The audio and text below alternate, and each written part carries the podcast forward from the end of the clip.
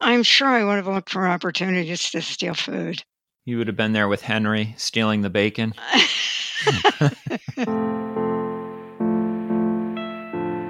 The Greely expedition to Ellesmere Island was one of the great tragedies of polar exploration, a story that ended in starvation, cannibalism, and bitter controversy. We know the events of this story, but do we know how it felt to be there?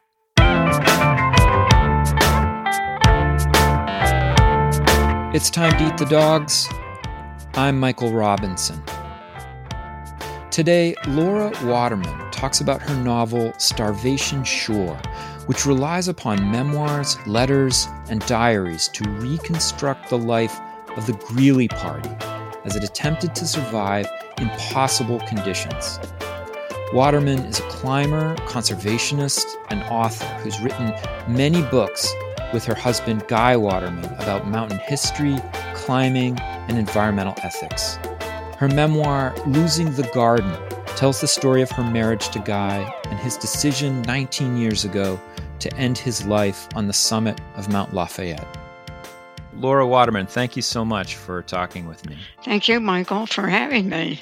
So, in 1881, a party of 25 men under the command of an Army Lieutenant, uh, Adolphus Greely, left New York and headed to the Arctic, to the very top of Ellesmere Island, to establish a fort there, Fort Conger. What were they trying to do? Basically, what they needed to do was learn more about the Arctic. The idea was to establish stations that would be manned and people were to keep records meteorological data, some exploring, but the pole was definitely out.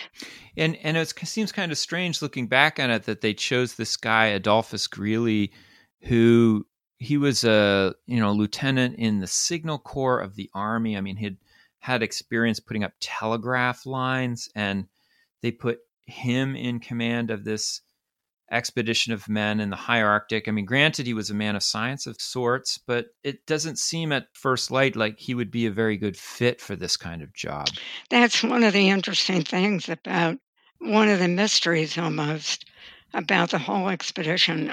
I think that they had another man in, in mind, Colonel Gustavus Stone, to lead it. And to go back a little further, Captain Howgate, who wanted to colonize the Arctic, Greely lived in his house for about five years when he was in the Signal Corps. And so Greely was a protege, actually, of Howgate.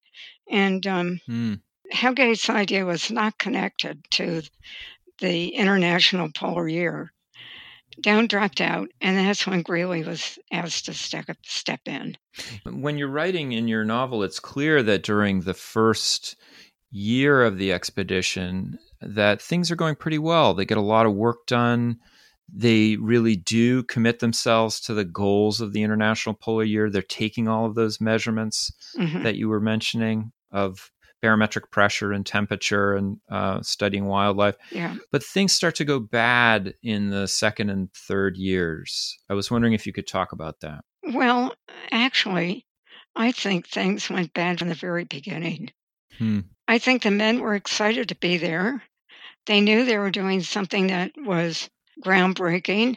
I mean, in a sense, the way I look at it, it was like sending a spaceship to Mars. I think there was a lot of bad luck at the beginning.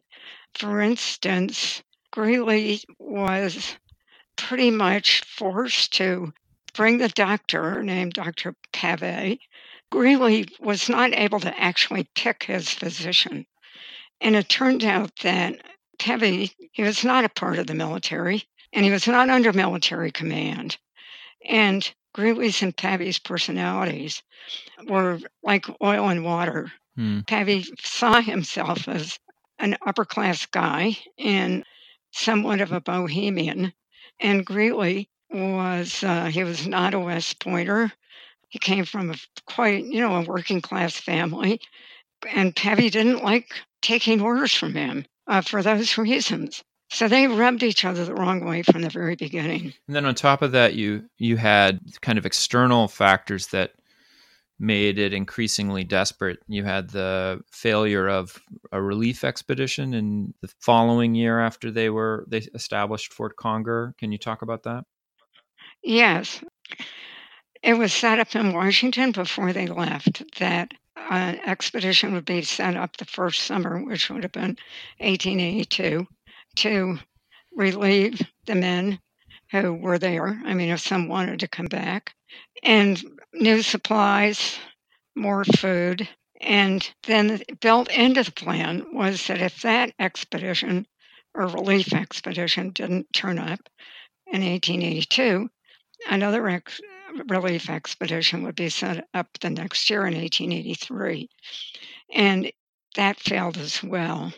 And so then Greely was left with a very tough decision of what to do. They could have stayed on pretty successfully for a third winter. They had enough food. They were actually supplied for three years. And they could have shot more musk oxen, or they could have come down the Ellesmere Island coastline either by sledge or they could have taken to the open boats and come down by sea. And both of those were risky ideas.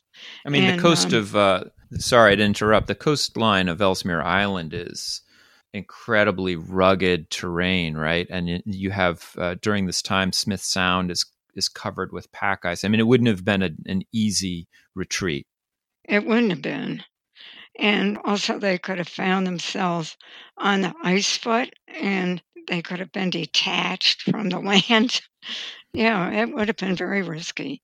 But taking to the open boats uh, was, in a way, just as risky. But Greely, I think he felt that what the people in Washington, his superiors in Washington, wanted him to do was to come down the coast. And he knew about depots that had been established on the Greenland side as well as on the Ellesmere side. And he himself, in fact, had left cairns with food in them on the mm. Ellesmere side. So it seemed reasonable, I think. Well, in the first place, he was a stickler for correct military procedure. So I think he he wanted to try to carry out that correct military procedure because I think he was also afraid that if, if he stayed at Fort Conger for another winter and the men began to die, that he could be court martialed or, you know, his career would really be in jeopardy. Yeah. By the winter of 1884, the spring, the winter and then the spring of 1884, Greely has made his way down the coast to uh, Cape Sabine to establish a, a campsite where they hope to be rescued. And in your novel, Starvation Shore, you spend about half of the book on that final the, those final months at Camp Clay on Cape Sabine. I was wondering why you decided to focus on that aspect of the expedition. That's a great question.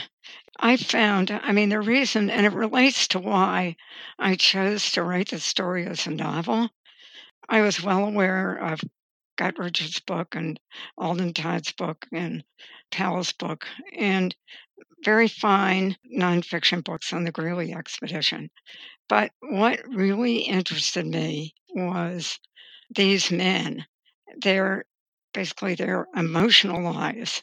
Hmm. And I felt I could best tell the story fictionally, in other words, in real time with believable dialogue. And for me, that was the best way to really get into what they were feeling there, what they were going through, how their incredible isolation they were in could be affecting them, not to mention just the harshness of the environment, the fact that they were living with the same 25 guys for two years, two and a half, going on three years.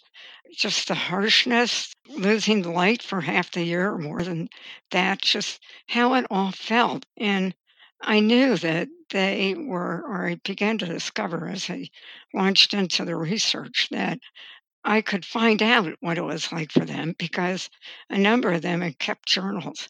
And the particular journal that was of real value to me was Sergeant David Brainard's. He kept a journal from the very mm. first day when the, basically they left the United States till the day of their rescue, June 22nd, 1884. And this uh, this final few months were especially brutal. I mean, the party is essentially starving to death. There's uh, cannibalism of members of the crew that have already died. And I find this really interesting what you just said in the sense that you said there's there's a lot of material here. There's a lot of diaries and letters. There's a lot of secondary literature too on this expedition. Mm-hmm, mm-hmm. But you are really filling in the gaps in a way that's very interesting, the things that we don't know about those final few months. And I was wondering, as you wrote this, trying to inhabit, let's say, the survivors at Camp Clay, were you surprised at anything? Did you find certain people in that party that you connected to more than others? Um, that's also a very interesting question that I really haven't thought about. There were certainly people that I connected to, like uh, their photographer, George Rice, and uh, Sergeant Brainard, who I came to admire greatly. And then I think the beauty of these 25 men is that they exhibit the entire range of human nature from incredible mm. altruism of Rice and Brainard to the completely uncaring dastardliness of Sergeant Henry. And Dr. Mm. Was, he was very, a complex personality. I mean, he was definitely out for himself, but on the other hand, he was a very skilled doctor. And Greely, as much as he disliked him, said that. I mean, he respected him for the work he did as a doctor with the men. But uh, he's not an attractive personality. And then there's the guys that fall in between, which is basically, you know, you, me, people we know who just behave. You know, we, we would attempt to steal a little food um, from the crumbs that our bedmate is dropping. You know, we would shirk our chores. We would frostbite our feet, which some of them did deliberately. Um, there was a lot of that, but there was some. So there was just this. I just well, that was the beauty of the whole thing. There's this. We were all mirrored. It was quite remarkable. At least I feel it was that it went through the extreme altruism of Brainard, who could not let himself not work for the team to Connell, Maurice Connell, the Irishman, a braggadocio and a bully, who said, I'll let the other guys work for me. I'll stay inside today. You know, as I was reading this, I was thinking about the fact that you have written so many books about isolated, extreme environments. Um, you lived off the grid for 27 years with your husband, Guy Waterman. And I was thinking about that as I read uh, Starvation Shore. Was there a way in which those experiences shaped the way you thought about or that you wrote this novel? Hmm. That's really interesting. And again, something I haven't really thought much about, but yet it must have shaped it. The thing, yes, Guy and I lived, well, in the first place, we generally parked our car. And in the wintertime, our car was parked down in the village, and it was a one and a half mile walk down to the car. And often we were carrying, well, we were doing a huge amount of winter hiking and camping, so we were carrying our packs. And on the way back, we did our grocery shopping occasionally, and so our packs are even heavier going back. And but yet, I think you know what made our homestead work was that both of us were 100% committed and we were going to do the work. The work was going to get done no matter what. So, yeah, that must have played out in in Brainard's and Greely's story. But what really drew me to their experience, their harsh experience in the Arctic, was my own experience above tree line huh. in the White Mountains in the wintertime. Interesting. Yeah, I wasn't, this might sound a little crazy, but um, I was not concerned at all about my ability to feel to a, to a pretty good degree what those men were going through in terms of cold, wind, even the isolation, certainly the the fog or the whiteouts, because we got comfortable with all of that in the presidentials. And mm. you probably know that our mountains there are incredible training for mountaineers who want to go down to South America or to the Himalayas. And the reason it works for for us, or the reason that kind of training is possible, is that we can just go up to tree line, you know, which is around 4,000, a little above 4,000 feet, stick out our noses, often have the real possibility of reaching a, a summit that's probably not too much more than a thousand feet uh, further up and wander around up there, get battered by the wind, and come back down again. So that experience, um, my experience, basically went on as for close to 30 years. I felt I really understood what those men were going through.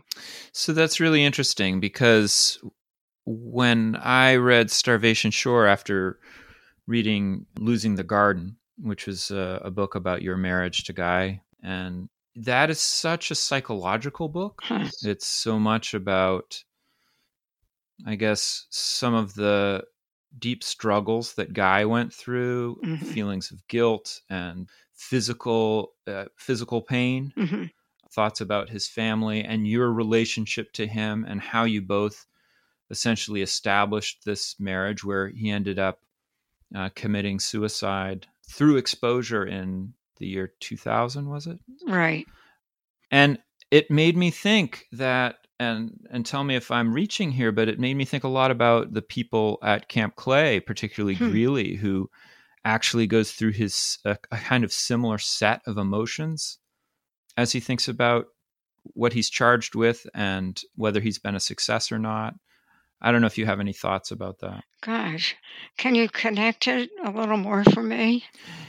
Sure. I think I was just thinking that in Losing the Garden, it is really a book about relationships in a extreme environment and relationships mm-hmm. that are under a lot of psychological pressure. And that mm-hmm. is also very much at work in your novel about uh, the Greely expedition.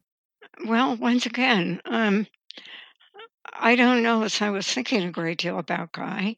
He was a very different personality from Greely. Yeah. I see him more in uh, Sergeant Brainard's camp in a sense.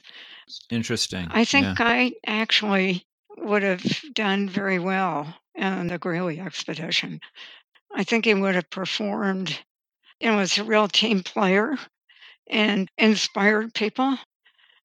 I mean, he was very good at that. You know, the hikes that we did with other people in the White Mountains.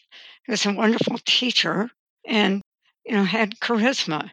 In a way, he could have, I think of him also, um, he had aspects of George Rice, who was also charismatic. And the men really were interested in Rice.